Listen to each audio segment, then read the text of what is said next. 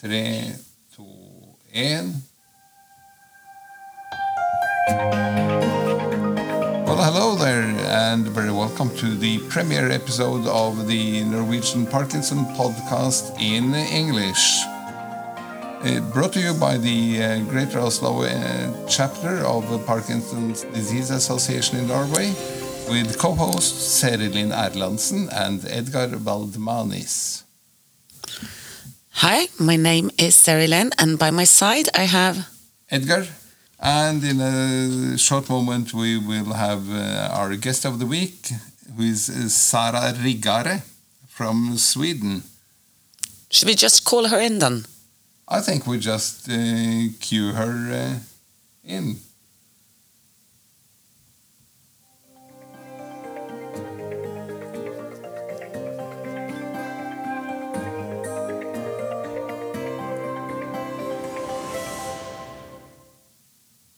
Hello, Sara.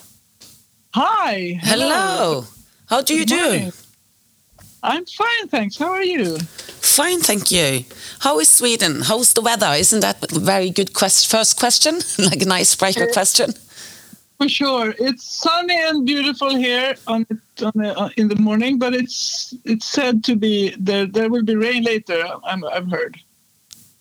Uh, it's the same as in Oslo. Then we just inherited the stormy weather uh, called Hans uh, from Sweden a week ago, and we've had Yeah. floods and floods and floods and everything. Uh, yeah, there's uh, uh, lots of floods here in Sweden as well. Right.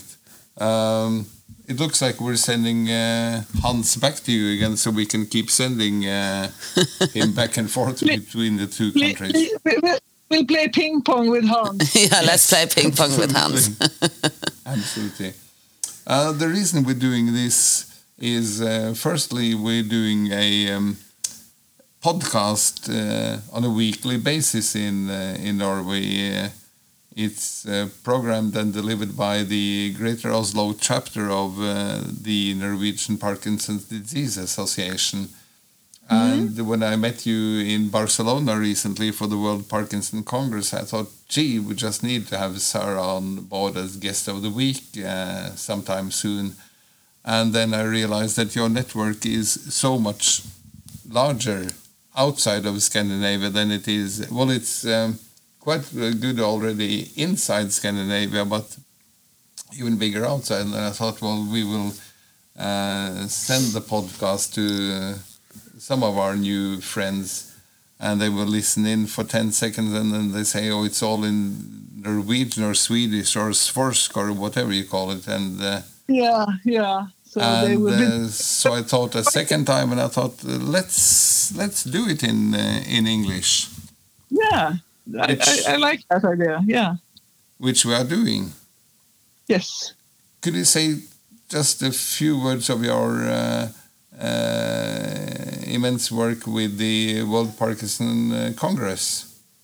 Because you Yes. were uh, co-chair of the Parkinson Advocates Committee, Yeah. and and, and I'm also a member of the steering committee for the Congress this time. So I went to my first World Parkinson Congress in 2010 in Glasgow, uh, and then I, this this was my fourth one. I went to the one in, in Montreal in 2013, the one in Portland, Oregon 2016. I did not go to the one in Japan in 2019, and now this one, my fourth in Barcelona 2023. Uh, and uh, I've, I've I've I've been involved since since the first one. Uh, I was I've, I've been an ambassador for the one in, in, in Montreal and Portland, and I've been I've been involved in many ways over the years. Has the congresses changed? Do you see a difference from the first to the last one? Yes. So what what happens is that when when we we who are living with Parkinson's disease are more involved, it influences the, the rest of the of the of the people there, both the the physicians and all the healthcare professionals and the researchers and everybody who's there uh, is is sort of in, engulfed in the in the WPC spirit. Which which really changes both the discussions there, but it also changes the way research is being being being conducted. Because if you if you if you do your research closer to the needs of the people you want to help, the research becomes better. Yeah. Good. Um, for your own sake, you've been, um, what should I say, haunted by uh, Parkinson's for a very long time. Yes, almost four four dec- decades, almost forty years I've, I've, since I had my first symptoms. And the first symptoms were back when you were just thirteen. Yes, yes, I was Oh. a teenager. Yeah. What what was the first symptom? So it was uh, to do with with my walking and and and sort of the the the way I could move my my wrists and my ankles. So, like, I, I was the first thing I remember noticing was when I was in a in a in a community center or, or like a, a, a community hall for where in up north in Sweden, where relatives of mine were, were performing. They were playing music and, and singing, and everybody in the room were, were clapping uh, and stomping in, in, in sync with the music. And I wanted to do the same, and the clapping was okay. But when I tried to, to, to, to lift my foot uh, in, in, and, and put it down in sync with the music, nothing happened. It- my my foot stayed on the floor, and it it it's- it, it felt like uh, the signals couldn't go from my brain to my foot which was of course in hindsight exactly what what was happening but i didn't know that then Mm. So and also i had problems with with fine mo- fine movements like like buttoning more buttons and and also i didn't swing my left arm when i walked so again in hindsight it, was pretty clear that it that now for to me knowing what i know now about parkinson's that that it was parkinson's but I, since I didn't have a tremor, it was a more difficult diagnosis to, to, to make. So for how long time did it take before you got the diagnosis? So I, I, I, I had I got my Parkinson's diagnosis when I was 32 in 2003. So 19 years in between. Yeah. That is, uh, uh, I can't even sort of st- start to, to think about it. But was it a relief to get the diagnosis, or did you get like hit in the face with the So I- diagnosis? It was it was not a relief. It was it was it, I, I- I describe it sometimes like it felt like I fell down into a black hole because I had a, a different diagnosis, which is both uh, the name of, of a Parkinson symptoms, dy- dy- dystonia, but it's also a group of, of conditions of it of itself to do with with uh, uh, muscular tension and muscular spasticity. And I had the diagnosis of dopa responsive dystonia, which is then uh, dystonia that responds positively to, to levodopa, dopamine. Uh, um, and that condition does not necessarily have to progress and become worse. It can even reverse and, and, and become better. So to go from a potentially Yes, to go from from a, a, a, not having a, thinking I had a condition to do with that that could that didn't have to progress and become worse, Mm. to go to a Parkinson's diagnosis, which which in essence, by de- by definition, becomes worse. It, it was it was a tough. It, it was it was hard. It was a tough, a hard blow. How did you get friend with the diagnosis? Uh, so um, yeah, it, ta- it takes time to to wrap your head around that, of course. Uh, yeah, no, it's uh, it's. Uh, um, could, could you repeat the question? Sorry. How did you get become? in- let- let- I don't know if it, you, you are friend, but friendlier with the diagnosis. so I, I that's that's actually a really good question and and some I, I wouldn't say for, for a long time I, I was very much fighting it. And uh, in a way so I'm, I'm not sort of I'm, I'm not I, I'm, I haven't accepted it but I, but I have acknowledged it. I think that that's a, that's a nuance in language that, that, that Swedish at least lacks. Mm.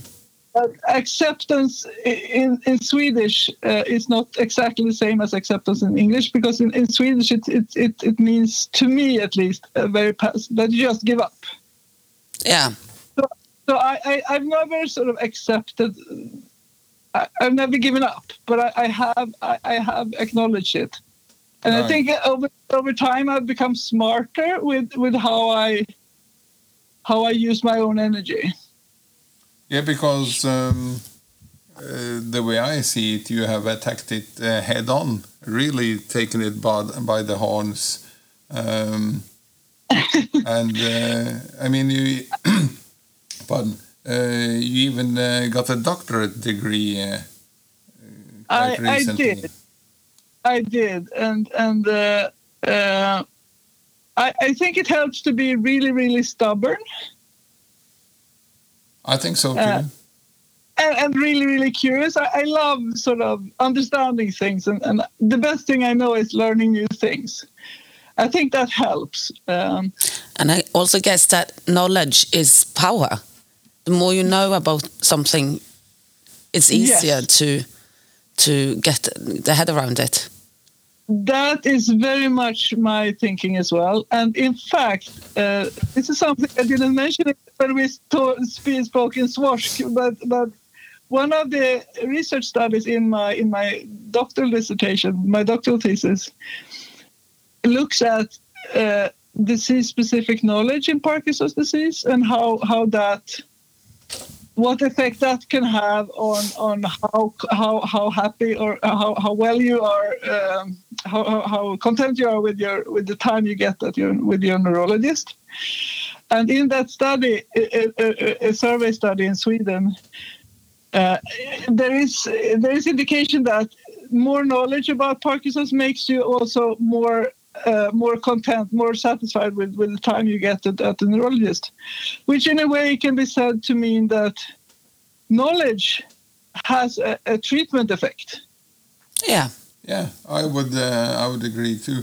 Uh, could you give us just sixty seconds about the the thesis because I called it in, in Norwegian. I said it's about self medication. Uh, It is, yes, but but but also more than that. It, it's it, the title of it is "Personal Science in Parkinson's Disease: a, a, a patient-led research study," and personal science is a framework for. Uh, for for using your own observations in a structured and and, uh, and systematic way to, to answer your own questions, and I've used yeah I've used it to, to optimize my medication intakes, for instance. Right. And um, if any listeners now say that uh, uh, this is a bit thin, isn't it? Um, your uh, guide on the way to the doctorate was uh, no less than Professor Dr. Uh, Bas Bloem, the, um, the yeah. founder of the ParkinsonNet in the Netherlands. And Indeed, co- yeah. co-author of the book uh, Ending Parkinson's Disease. So Yes. It's not something you thought up in an afternoon and uh, delivered. It's uh, quite well founded. This can be found on your own web page, can't it? Yes. Riggare.se. Correct. That it can. Yes, that's correct. But uh, for the listeners, is there something you would take out from the and Dr. degree that that you follow yourself? Yes, yes. So, so the thing is, with Parkinson's, our, our neurologist can't do can't can't know what is what what we feel and uh, how how our medication work for us. It it's said that Parkinson's is among it can, can quite possibly be the most individualized disease in the world, which means that each of us have our own set of symptoms are, and, and respond to our own specific combination of medications and uh, in doses and and and, and, and sort of uh, timings. And we have to find that ourselves. Our neurologist can't do that for us. We have in, in the best of worlds we would do it together with them but the the time is of course limited. There, there are so many people needing their help so for us who can and want to do it on our, our own, I think it's good to. We can do a lot for ourselves, and and if we don't do it, no one else will do it for us, and the only one who will suffer uh, is ourselves. Yes, it's like we have a Norwegian expression: your own home pocket uh, doctor. Yeah. your pocket doctor. Yeah, yeah. Yeah. So Yeah, oh yeah, that's a good expression. We don't have that in Swedish. Oh, don't you? lommelegen. Yes. Yeah. Uh, that's a really good uh, expression, actually. Right. Yeah, I, I, I adopt that. I think. Yeah. Uh, going back to the um, the Congress in Barcelona. Uh, What were your three top takeaways? Yes, so there's so much to take away, and, and it, it, it always, I, I've known this since uh, after my first Congress, that it always takes me a bit, about a week or two to sort of digest everything that I've, I've been experiencing. So it, it, I, straight, direct after, I don't know, I don't know my, my head from my toes. But, but in time, sort of, it, it sort of sinks in.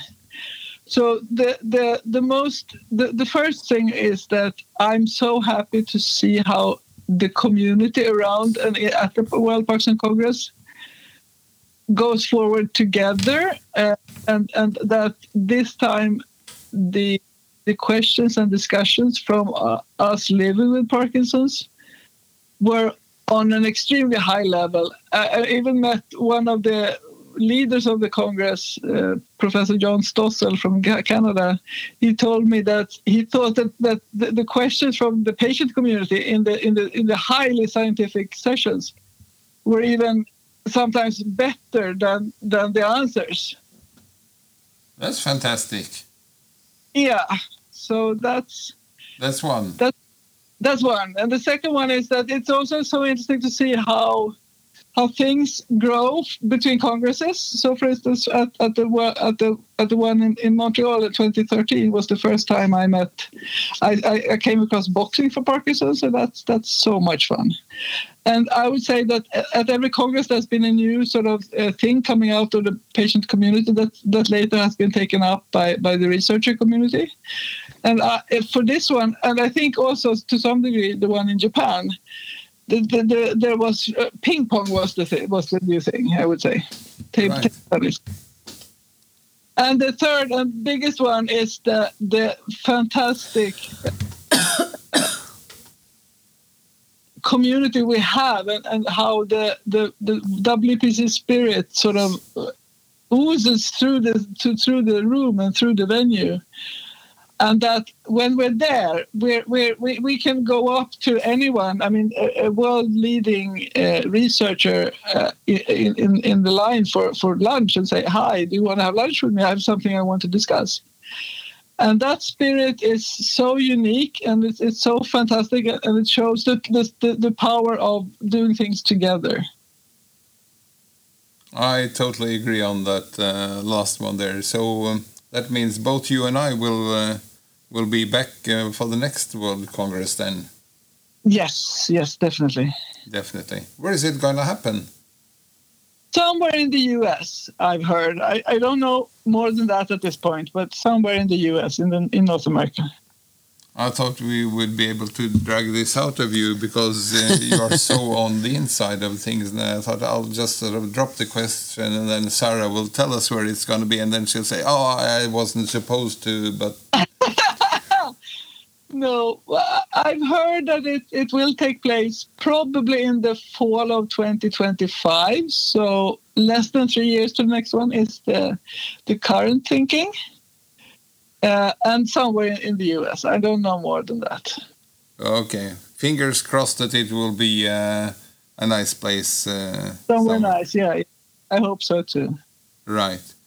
Um, we also ask our guest of the week, usually we ask about the life motto uh, of sorts. Yes, yes, and I want to use one that I that I mentioned both, and that was mentioned by in my inter, in, the, in the introduction of me at the at my plenary session at WPC, and that I also used in my in my doctoral thesis.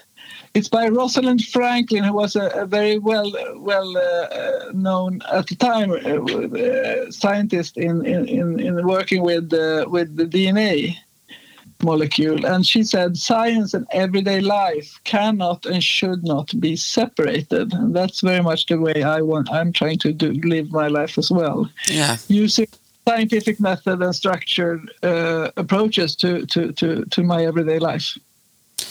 I forgot to ask you. Uh, do you, do you have any opinion about proteins and food when you do the medicine? Uh, that is one excellent example of a thing that, that doctors can't know for sure. So, for my medication, the, the, many people know that, uh, that it's also written in some of the leaflets with our medication that you should take take take the pills either 30 minutes before or, or one hour after eating. But and that the thing is, not everybody has that interaction. And the only way a person can know if it if it applies to, to, to him or her is by testing it themselves in a structured way. Our our, our, our neurologists they, they can't know for sure and no one can know for sure before testing in, in oneself. No, so it's very in, individual. So you some might uh, have that that proteins are destroying the medication, and some might not. Yeah. Exactly. And, Yeah. and the only way to knowing for sure is by testing it. So home pocket doctor coming back. you have to. Yes. And Yeah. the pocket doctor on riggare.se for Sweden. Yeah. Um, we also have a section in our podcast called uh, Train the Brain, oh yes. I, also known as a short quiz. Uh, Usually five questions for guest of the week, and then we see. Um, for our international listeners, we just did an episode in Swedish, and Sara, as one of the very, very few, uh, got five out of five. Uh, So we will now see if uh, we can make it slightly more difficult in English. I'm very competitive. you are Very competitive. I like to win quizzes. okay. We will do a little quiz fanfare that we have here.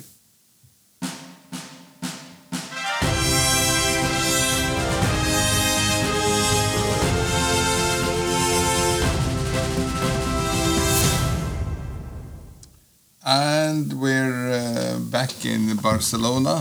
We established that they don't speak uh, regular Spanish but Catalan. What is Yes. the name of, uh, of regular Spanish?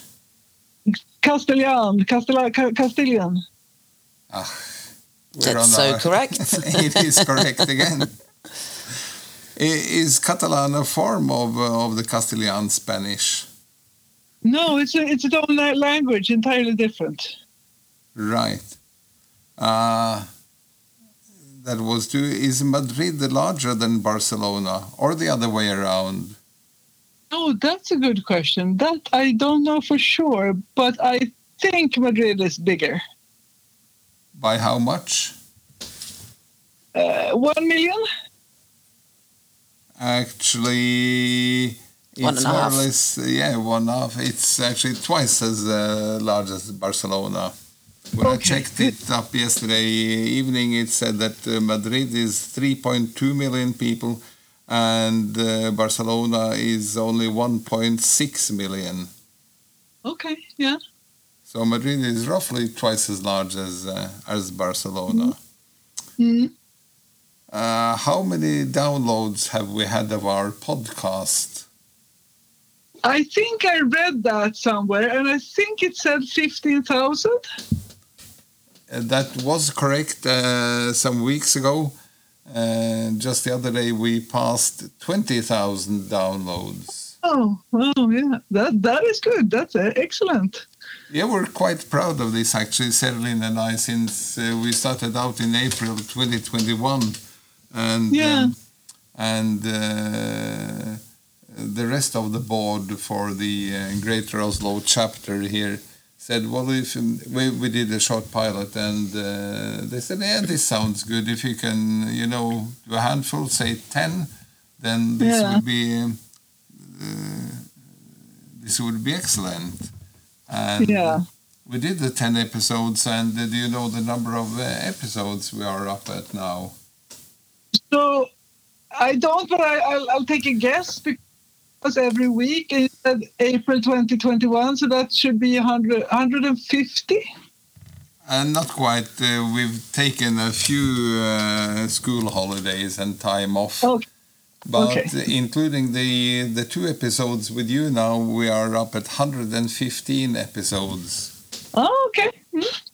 And we more or less steady deliver one every Thursday morning. We uh, publish uh, a new episode and have reached then 20,000 downloads.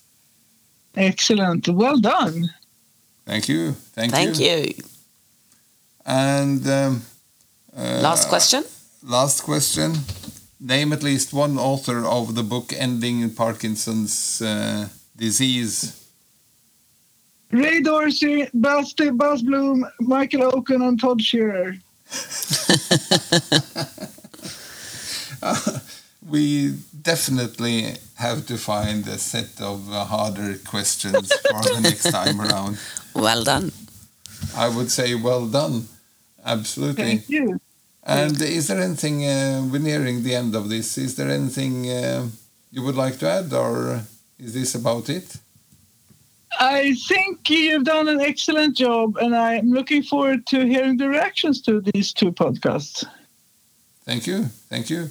Um, absolutely final question before we have uh, our joke of the week.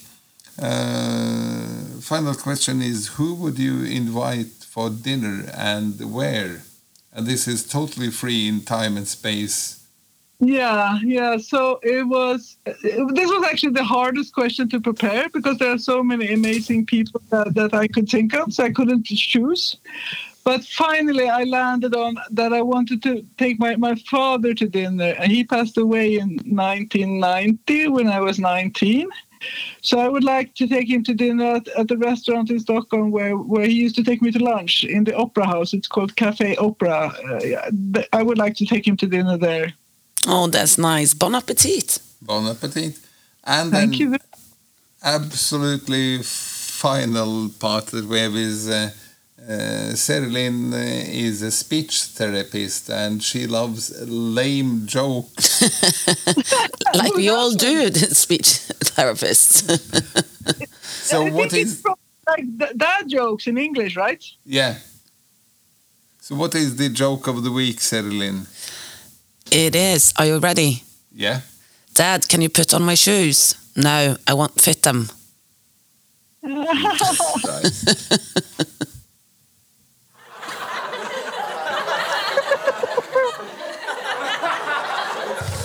Yeah, that's what we got for that one. We even had to take uh, laughter on the box. Thank you very much, Sara.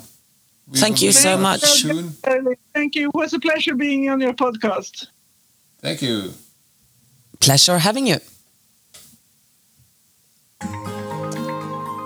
That was all uh, for the premiere episode in English of the podcast uh, Outside But Inside, delivered by the Greater Oslo chapter of the Norwegian Parkinson's Disease Association.